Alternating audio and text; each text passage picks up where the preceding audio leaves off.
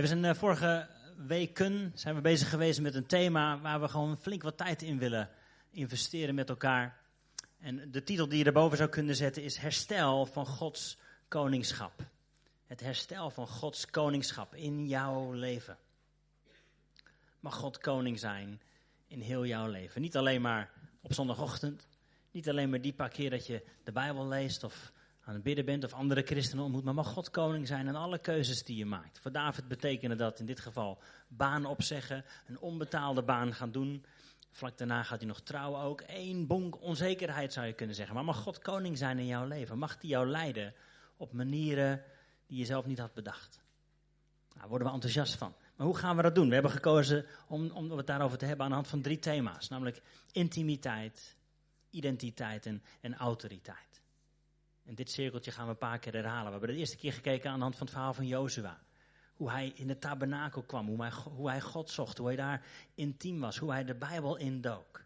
Hoe hij zijn intimiteit met God beleefde en daarvanuit zijn identiteit vond. En hoe hij daardoor het leven kon gaan doen. En uiteindelijk weten we, Jozua nam nieuw land in. Hij stond in autoriteit. En hoe deed hij dat? Nou, daar hebben we van geleerd. Vorige week is Kors met ons begonnen om te kijken naar hetzelfde thema aan de hand van het verhaal van David. David, koning van Israël, 3000 jaar geleden. Nog steeds een enorme impact. We zingen nog steeds zijn liedjes onder andere. En vorige week hebben we gekeken naar vooral die ene tekst. Weet je, nog één ding verlang ik. Psalm 27. Eén, één ding. Ik ben koning, ik heb duizend en één prioriteitenlijstjes. Alles is ongelooflijk belangrijk en iedereen trekt aan me, maar één ding vind ik belangrijk. Eén ding zoek ik. Te zijn in het huis van de Heer. En, daar je intimiteit en uiteindelijk ook je kracht te vinden. Dat was heel tof, heel krachtig. Maar misschien wil jij naar voren komen, daar kort iets over vertellen nog. Je wilde graag iets delen wat hiermee te maken heeft. Nou, liever niet, maar ik had het idee dat God het uh, wilde. Uh, gisteravond had ik uh, een beetje zoals gewoonlijk, een beetje gewoonte die erin is geslopen. En, van nou, je gaat naar bed en nou, nog even een goede psalm opzoeken, even die lezen en nog even bidden.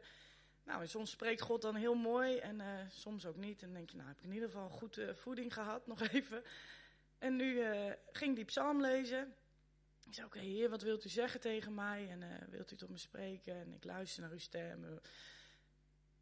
En nou, het bleef echt stil. En uh, ik, weet, ik weet niet wat er gebeurde, maar soms heb je zo'n zo'n zo'n kriebel in je buik of zo, alsof je verliefd bent. Nou, dat gebeurde er. Ik denk, oké, u wil spreken. Nou, u, gaat u wel spreken. En het was echt alsof, um, ik krijg er weer kippenvel van, maar alsof God, uh, God wilde zijn liefde verklaren of zo leek het. En um, ik ben rechtop gaan zitten en de Bijbel aan de kant en gewoon stil geweest. En um, ik had die week daarvoor ergens iets gelezen over zijn. Uh, dat hij zijn. Uh, hij wil onze blik vangen. Hij wil zijn gelaat.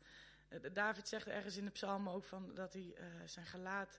wilt u uw gelaat toewenden tot ons? Zoiets. Psalm 32 of zo. Ik weet het niet precies. Maar.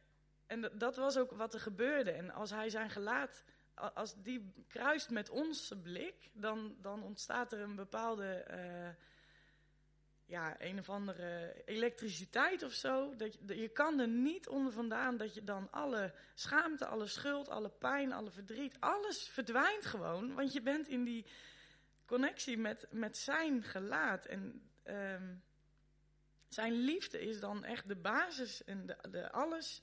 Je kan er niet onder vandaan dat die intimiteit met hem dan Um, ja, hoe moet je dat nou toch zeggen? Het, het was echt um, een en al alsof hij als het ware mijn kin omhoog pakte van kijk nou maar naar mij en stop nou maar met die psalm te lezen op dit moment, maar ik wil je mijn, mijn, mijn gelaat, mijn blik wil ik met jou delen en kijk maar hoe mooi ik jou vind en dat is voor mij belangrijk op dit moment, die intimiteit en niet jouw uh, gestreef naar uh, dat moet ik weten en Heer, wat wilt u nu en ik wil nu dit doen en dat voor u. Nee, intimiteit met mij, dat moment samen met ons. En nou ja, en dan moest ik dan vertellen of zo.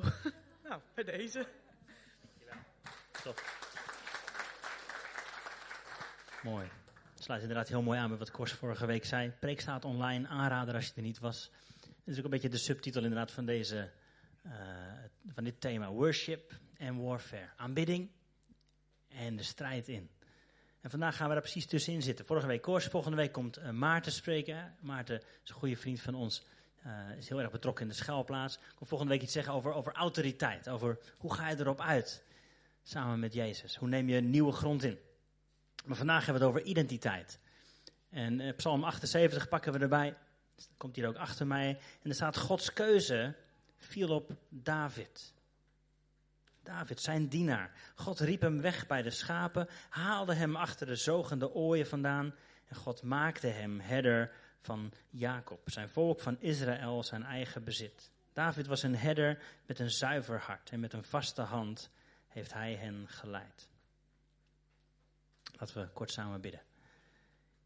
Heer Jezus, dank u wel dat we gewoon hier samen mogen zijn. In deze ruimte, in deze tijd, dat we hier samen een plek mogen bereiden van, van aanbidding, van waar uw woord centraal staat, waar u wilt bewegen. Heer, we willen ons hart openen, we willen ons hoofd openen. Hier zijn we. Wilt u spreken? Heer, u weet op welke reis wij zijn. En u weet welke aanwijzing we nodig hebben. U weet of het nodig is dat we in beweging komen of juist dat we even stil gaan staan. Net zoals Marja dat beschreef. Heer, we willen vandaag uw blik vangen. We willen vandaag u zien zoals u bent. Steeds beter. En gebruik deze tijd daarvoor in Jezus' naam. Amen. Amen. Wij gingen vroeger niet zo heel vaak op vakantie. We hadden er niet zo heel veel geld voor thuis. Maar wat ik nog wel heel goed weet is dat we naar een in de ruimte kamp gingen. Mensen oud genoeg die die nog kennen, in de ruimte, ja. Zo'n groot veld met allemaal witte tenten, allemaal kinderen. De jongenstenten, de meisjestenten. In die jongenstenten sliepen de ooms. In de meisjestenten sliepen de tantes. En die hielpen je dan. En dan moest je elke dag een bijbelversje uit je hoofd leren. En ik weet nog dat we een keer een spel gingen doen. Had ik een beetje vals gespeeld. Je ging, ieder, kind kreeg een kaartje met daarop een naam van een land. En ik was, volgens mij was ik uh, Papua Nieuw-Guinea. Of oh, nee. Nooit van gehoord toen. Maar goed, ik had dat kaartje en toen moesten we tweetallen maken. En toen moesten we een wedstrijdje doen. Handje drukken. Nou, het eerste potje verloor ik. Dus toen zei ik van, ah kom, we doen nog een potje. Het tweede potje won ik gelukkig. En toen werd er net omgeroepen, alle winnaars die mogen het kaartje van hun tegenstander innemen. En die tegenstander hoort dan bij jouw land. Dus ik pakte snel dat kaartje, want ja, ik had, ik had het tweede potje gewonnen. En uiteindelijk werd het dus 2 tegen 2, een ander spelletje, 4 tegen 4, 8 tegen 8, 16 tegen enzovoort, enzovoort. Uiteindelijk was het hele veld Papua Nieuw-Guinea. Ik had alle kaartjes ingenomen, maar ergens wist ik niet van binnen. Het eerste potje had ik verloren. Dus ik was niet heel, uh, heel trots. Maar dat weet ik nog. En um, natuurlijk ging je daar ook liedjes zingen. En toen de tijd, nu ook nog steeds, maar zeker toen de tijd natuurlijk Ellie en Rickert. We gingen naar de grote tent en er werd er gezongen. Zoals klei in de. Ja, we kennen hem wel toch? Zoals klei in de hand van de pottenbak. En nou, aan dat liedje moest ik denken toen, we, toen ik uh, dit aan het voorbereiden was. Zoals klei in de hand van de pottenbakker. Zo ben ik in uw handen, oh Heer. Want identiteit, en daar hebben we het vandaag over, heeft voor mij alles te maken met, met gevormd worden. We zijn nog niet af. We worden niet compleet geboren. En we kunnen natuurlijk wel zeggen, zo ben ik nou eenmaal. Maar nee, nee, nee, we worden gevormd in de hand van de pottenbakker. God is ons steeds meer aan het maken naar zijn beeld. En soms worden de dingetjes uit je leven gehaald. Soms word je opnieuw gekneed. God is bezig met jou en mijn identiteit. Nou, we kennen natuurlijk allemaal, of allemaal, de meeste van ons waarschijnlijk wel, de verhalen van David en Goliath. Kleine David tegen de grote reus. En vaak gaat het dan een beetje zo op de kinderbijbel manier dat David versloeg Goliath en daarna werd hij koning. En soms zit het ook een beetje zo in ons hoofd, maar weet je dat er wel twintig jaar tussen zat? Dat hij gezalfd werd en dat hij uiteindelijk koning werd. Dat er twintig jaar wachten tussen zat. We gaan eventjes terug, wat ik zei, 3000 jaar geleden. Het volk van Israël was bevrijd, had een nieuw land gekregen. En God was hun koning. En er waren priesters en profeten en die spraken namens God en die leidden het volk namens God. Maar Samuel was uh, profeet en zijn, zijn, zoons die bakten daar niet veel van. En het volk vertrouwde ze niet. En die kwam naar Samuel toe en zei, Samuel, we willen net als alle andere volken, willen wij een koning. Ja, maar God is toch jullie koning? Nee, wij willen een echte vlees- en bloed koning. En toen had God Saul uitgekozen. Saul, lange, opvallende, sterke kerel, werd gezalfd tot koning en, en nam meteen die positie in. En dat ging niet helemaal goed. Misschien juist wel omdat hij niet gevormd en nog niet gekneed was. Werd hij heel onzeker. En die uitdagingen kennen we allemaal, denk ik. Als je op een bepaalde positie staat zonder dat je je identiteit helder hebt, zonder dat je weet wie je bent, ja, dan kun je heel erg onzeker worden, bang worden, misschien wel trots worden. En dat gebeurde bij Saul. En omdat hij zo'n soort leider werd, moest God op, zoek naar een nieuwe. En Samuel die kwam, en dat gaan we zo lezen, bij uh, het gezin van Isaï. Om een nieuwe koning te gaan zalven. God had, was, was klaar met Saul. Hij kon niet meer koning zijn. Hij zou zijn volk de afgrond in leiden. En dat was niet Gods plan. Dus God had een plan B. En dat was deze kleine jongen. En Samuel, de profeet, komt bij een gezin met een heleboel zoons. En Samuel kijkt naar ze. En dan gaan we dit stukje lezen in 1 Samuel 16. Maar God had deze opvallende grote jongens ook niet op het oog. En Samuel zei tegen deze vader: De Heer heeft niet één van deze jongens uitgekozen. Heb je nog meer zonen? En Isaïe zei: Ja, mijn, mijn jongste zoon David. Hij past op de schapen en de geiten. En toen zei Samuel tegen hem: laat, laat hem hier komen. We gaan pas eten van het offer als hij er is. En Isaïe liet deze jongste zoon David komen. Het was een knappe jongen met rood haar, mooie ogen. En toen zei de Heer tegen Samuel: Dit is degene die ik heb uitgekozen om koning te zijn. Samuel pakte een kruikje met olie, goot de olie over het hoofd van David, terwijl al zijn broers erbij waren. En vanaf dat moment was de geest van de Heer in David. Hier komt David dus in blik. Wat een belofte. Jonge jongen, vers van het veld, een herder was hij, werd gezalfd tot koning. Wauw, wat moet hij gedacht hebben? Wauw. Wat een positie krijg je dan meteen. Hij zal wel gaan dromen. Weet je, zijn verlangens, regeren, rijk worden, mooie vrouw, weet ik veel wat hij allemaal gedroomd had. Hij wilde koning worden, want dat had God, God had beloofd. David, jij wordt een nieuwe koning. Maar wat ik al zei, dat gebeurde niet van de een op de andere dag. Er zat geen maand tussen, geen jaar tussen. Er zat uiteindelijk wel twintig jaar tussen. Tussen die belofte en de uiteindelijke vervulling. En in die tijd zitten we nu ook met z'n allen. Ieder van ons, denk ik. Ik weet niet wat voor beloften of wat voor dromen jij in je hart meedraagt. Misschien is het de belofte van een, relatie die herstelt. Misschien is het de belofte van een positie op je werk. Misschien weet je, uiteindelijk moet ik die plek gaan innemen. Dat is wat God mij op mijn hart gegeven heeft. Het staat in de psalm zo mooi. Dat, God geeft je de verlangens van je hart. Dat betekent niet dat hij je meteen een mooie auto geeft, maar hij wil wel jouw verlangens vormen. Hij wil je dromen geven. En soms door alle druk, door alle tegenstellingen, door alle tegenslag raken we die dromen kwijt en denken we, nou laten we maar niet zo hoog meer mikken met elkaar. Dat gaan we leren van David vandaag, dat hij zijn dromen helder hield, maar dat hij dwars door alle uitdagingen ook zijn hart puur hield. Want de uitdagingen natuurlijk na deze eerste keer van zalven, was dat hij niet meteen resultaat zag. trouwens, David drie keer gezalfd. Drie keer tot koning. Dus je ziet een beetje fases in zijn leven. Misschien herken je dat ook wel bij jezelf. Ik heb het wel eens vaker gezegd, die twintig jaar geleden, ik was 18.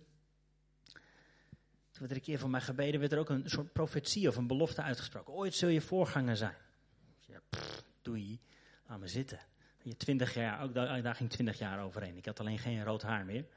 Nooit gehad ook trouwens. Maar David werd drie keer gezalfd. Nou, de eerste keer hebben we net gelezen. Als jonge jongen. Maar hij zag niet meteen resultaat.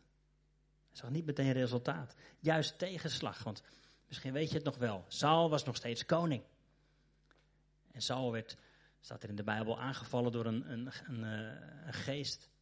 En Samuel, David werd erbij gehaald om muziek voor hem te maken. Te spelen uh, op, zijn, op zijn harp. Waardoor de koning weer rustig werd. Maar die begon een speer naar hem te gooien. Die begon boos op David te worden. Dus in plaats van dat David dat alles mee ging zitten door die gave belofte van God, begon het hem juist wat meer tegen te zitten. Er kwam tegenstand. Dus hij zag niet meteen resultaat. Er was nog steeds een andere koning. En later kwamen er ook nog andere mogelijkheden. Weet je nog dat David moest vluchten voor Saul, vluchten voor zijn leven. Ondanks die belofte van God. Hij moest vluchten voor zijn leven. En dan vond hij Saul slapend en hij had hem zo kunnen doden. Hij had God zo een handje kunnen helpen. door de bestaande koning te doden. En dan was hij de nieuwe koning. En er kwam druk van buitenaf. Want heel veel van zijn vrienden zeiden juist: Moet je doen. Reken af met die vent. Hij hoort niet meer bij God. Jij bent de rechtmatige nieuwe koning. God heeft jou gezalfd. Dat David zijn hart puur hield. En niet God een handje moest helpen. Hij wilde eren wat God had gedaan. Zij zat een stapje terug. De uitdagingen waren daar, want er was niet meteen resultaat. Maar het antwoord van David was is dat hij trouw bleef in de kleine dingen. En misschien is dat voor jou ook een dingetje. Misschien heeft God je hele mooie, bijzondere belofte gegeven. Uh, David noemde dat net. Toen ik klein was, wilde ik als zendeling worden. Maar ik weet zeker dat hij niet hier nu had kunnen staan als hij tien jaar geleden niet trouw was in de kleine dingen. Zijn hart puur heeft gehouden. God wilde zoeken in alle dingen. Hoe zit het met jou? Wat is jouw droom? Misschien ben je droom kwijtgeraakt. Misschien weet je het even allemaal niet meer zo zeker. Maar blijf trouw in de, in de kleine dingen. En ga niet God een handje helpen door wild om je heen te slaan. Hou je hart oprecht. En blijf nederig. Dat zijn de dingen die je continu terugziet bij David. Dus dat hij telkens weer zegt, ja, maar, maar één ding is belangrijk. Natuurlijk wil ik koning worden, natuurlijk wil ik wandelen in die belofte. Maar als ik moet kiezen, dan kies ik voor één ding. Namelijk bij God zijn. Zijn stem verstaan, Hem beter leren kennen. Zijn stem leren kennen. Steeds beter weten wie Hij is. En in dat proces van telkens weer terugkomen bij God, begon hij steeds meer ook dat karakter van God in zichzelf te zien. Zoals we het Nieuwe Testament lezen, schrijft Paulus dat, dat dat wat je aanschouwt, daar zul je op gaan lijken. In het Engels klinkt het zo mooi, we become what we behold. We worden waar we naar kijken. We worden waar we naar kijken. Kijken we, kijken we naar boven, richten onze ogen op God. Mag Hij ons vormen. In dat proces, juist door tegenslag heen, kunnen we ons hart oprecht houden.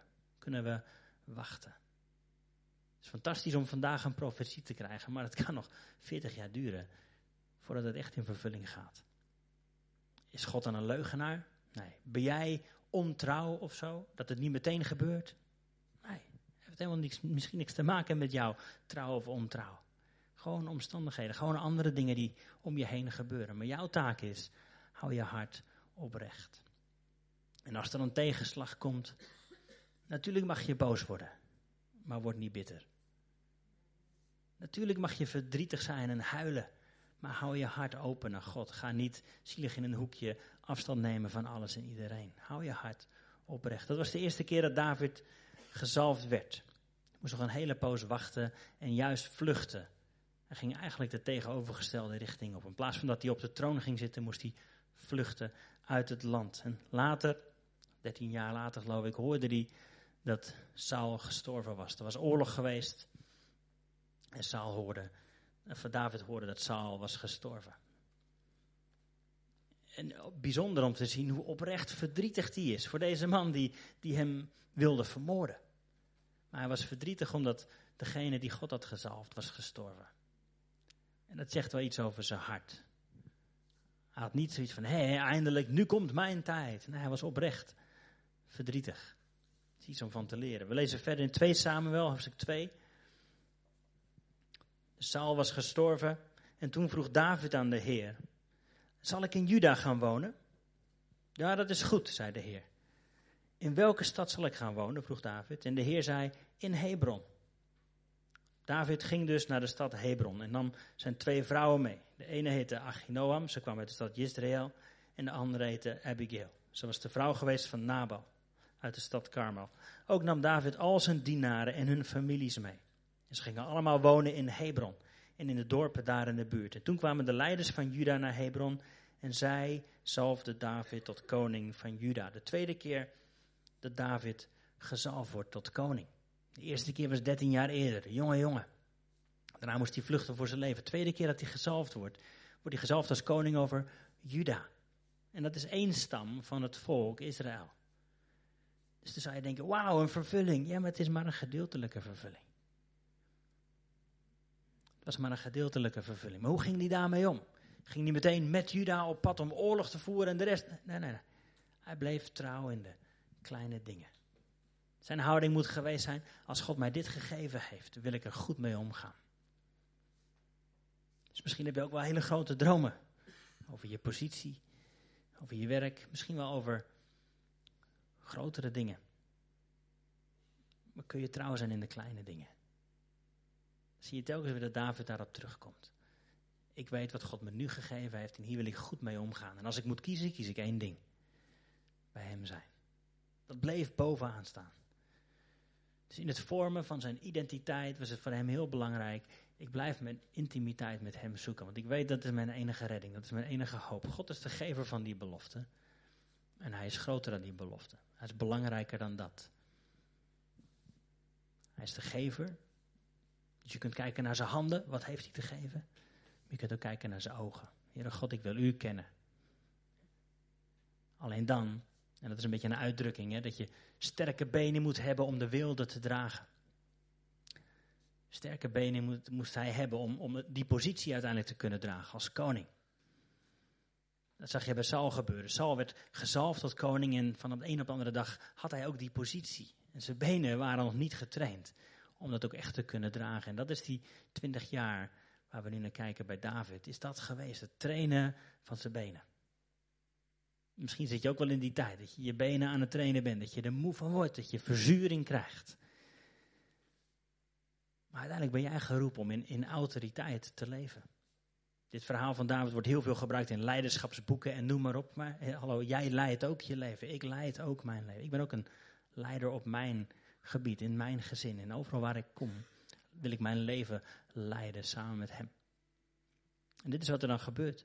Je benen worden getraind, zodat je karakter stevig genoeg is om die salving te kunnen dragen. Om die positie aan te kunnen samen met God. En als je de, het binnendoorweggetje zoekt en snel op een nieuwe positie wil staan, dan kun je in die valkuilen trappen waar Saul intrapte. Dat hij, dat hij bang werd om zijn positie te verliezen. Want hij had zijn identiteit niet gevonden in God. En dat hij trots werd op zijn positie. Ook gevaarlijk, want hij had zijn identiteit niet gevonden in God. Er twijfel kwam. Allemaal dingen die verdwijnen, wat Maya net zei. Die verdwijnen als je God in zijn ogen kijkt, als je bij hem bent. Dat je niet meer afhankelijk bent van wat andere mensen van je vinden. Dat het niet gaat om je imago, maar om je identiteit. Wie ben ik? Dus dat was de tweede keer dat David gezalfd werd. En de derde keer lezen we. Alle stammen van Israël kwamen naar de stad Hebron. Dit is een poos later. Ze zeiden tegen David: Wij zijn Israëlieten, net als u. U was vroeger al eens onze legerleider, toen Saul nog koning was. En de Heer heeft aan u beloofd dat u onze leider zult worden. Hij heeft gezegd dat u koning van Israël zou zijn. Toen kwamen ook de leiders van Israël naar Hebron. En bij de tempel daar maakte David met hen de plechtige afspraak dat hij hun koning zou worden. En de leiders maakten of zalfden David tot koning. David was 30 jaar oud toen hij koning werd en hij regeerde 40 jaar. Vanuit Hebron 7 jaar en 6 maanden over alleen Juda. En vanuit Jeruzalem 33 jaar over heel Israël en Juda. Over dat stukje gaan we het volgende week hebben over. Wat, wat gebeurt er dan als je inderdaad in je autoriteit leeft? Waar, waar moet je dan op letten? Waar ben je dan mee bezig? Maar ik geloof dat voor iedereen hier, zoals we hier zitten, zijn we allemaal in, in dit stukje 20 jaar terwijl we wachten tot. Ieder op ons eigen vlak. En ik hoop dat God door dit woord heen, dat hij het stof te weer van je afblaast. Van je dromen die je op de kast had gelegd. Laat me zitten, duurt te lang. Misschien was het dan toch allemaal niet waar. Nee.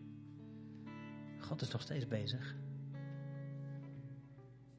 Maar hij is jou aan het vormen. Hij is jouw benen aan het trainen. Zodat je, als je dan inderdaad die positie krijgt, als je inderdaad in die autoriteit gaat lopen, als je in die vervulling van de belofte gaat staan, dat je sterk genoeg zult zijn om te kunnen tillen. Want God heeft jou en mij bedoeld om te wandelen in autoriteit. Om samen met Hem zijn koninkrijk te brengen overal waar we komen. Dat is onze roeping. Worship en warfare. God aanbidden, intiem met Hem zijn. Maar er ook weer op uitgaan om nieuw land in te nemen. Dat is het evangelie. Dat is het leven met God. Kom en ga. Kom bij Hem in de stilte. Luister, ontvang, leer. Wees gevormd, word gevormd, word gekneed. Maar daarna, ga. Ga erop uit. Vertel. Deel uit. Geef. Bemoedig. Breng leven.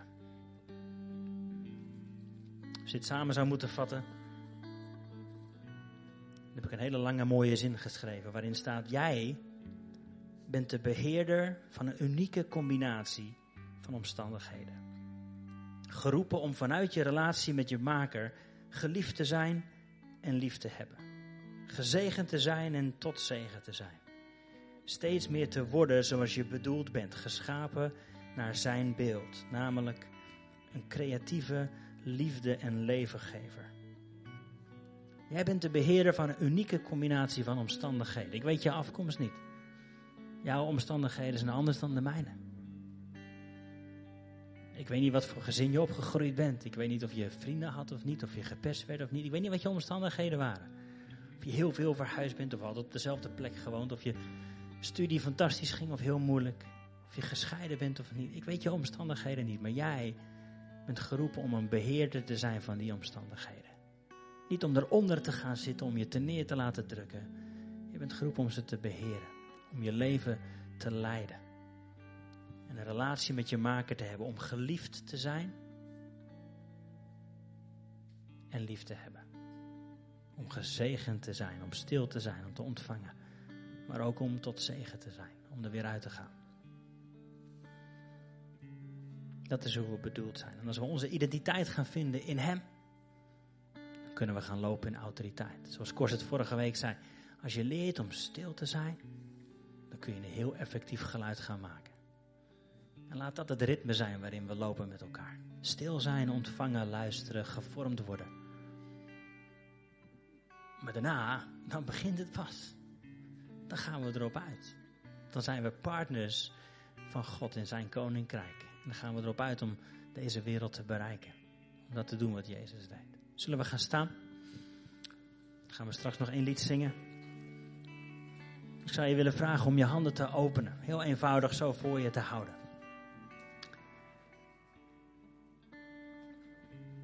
En opnieuw te ontvangen die belofte, die hoop, die verlangens die God in je gelegd heeft.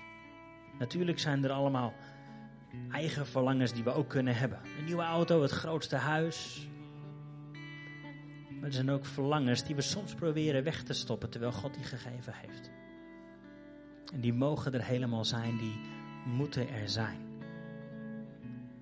Durf opnieuw te dromen. En Heilige Geest, ik wil u uitnodigen om die verlangens opnieuw aan te wakkeren in ons. Opnieuw die dromen uit te storten in ons. U heeft ons gemaakt met een doel. En het is heel specifiek, heel uniek. Maar dat willen we niet wegstoppen, dat willen we levend houden. Die, dat hoop, die verlangens. Ons leven samen met u te gaan leiden. We weten van elkaar, we weten met elkaar dat we in een periode zitten van gevormd worden. Wilt u ons leren om dat te omarmen? Om deze tijd van onzekerheid misschien wel wegrennen voor misschien wel vervolgd worden, net zoals David dat meemaakte met Saul. Wilt ons helpen om ons hart puur te houden, om ons hart oprecht te houden.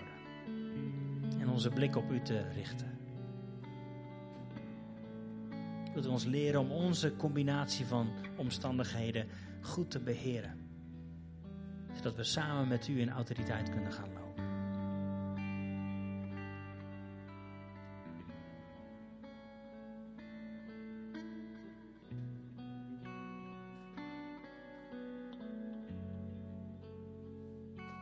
Vorm ons. Beeld, steeds meer.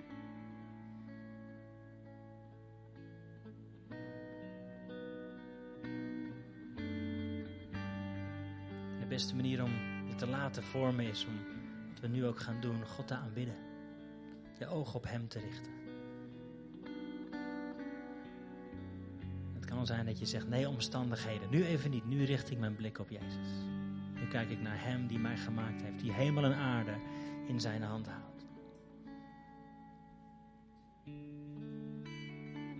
Hem vind ik wie ik ben, in Hem vind ik mijn identiteit. Niet in alles wat ik kan, niet in alles wat ik ben, maar in Hem.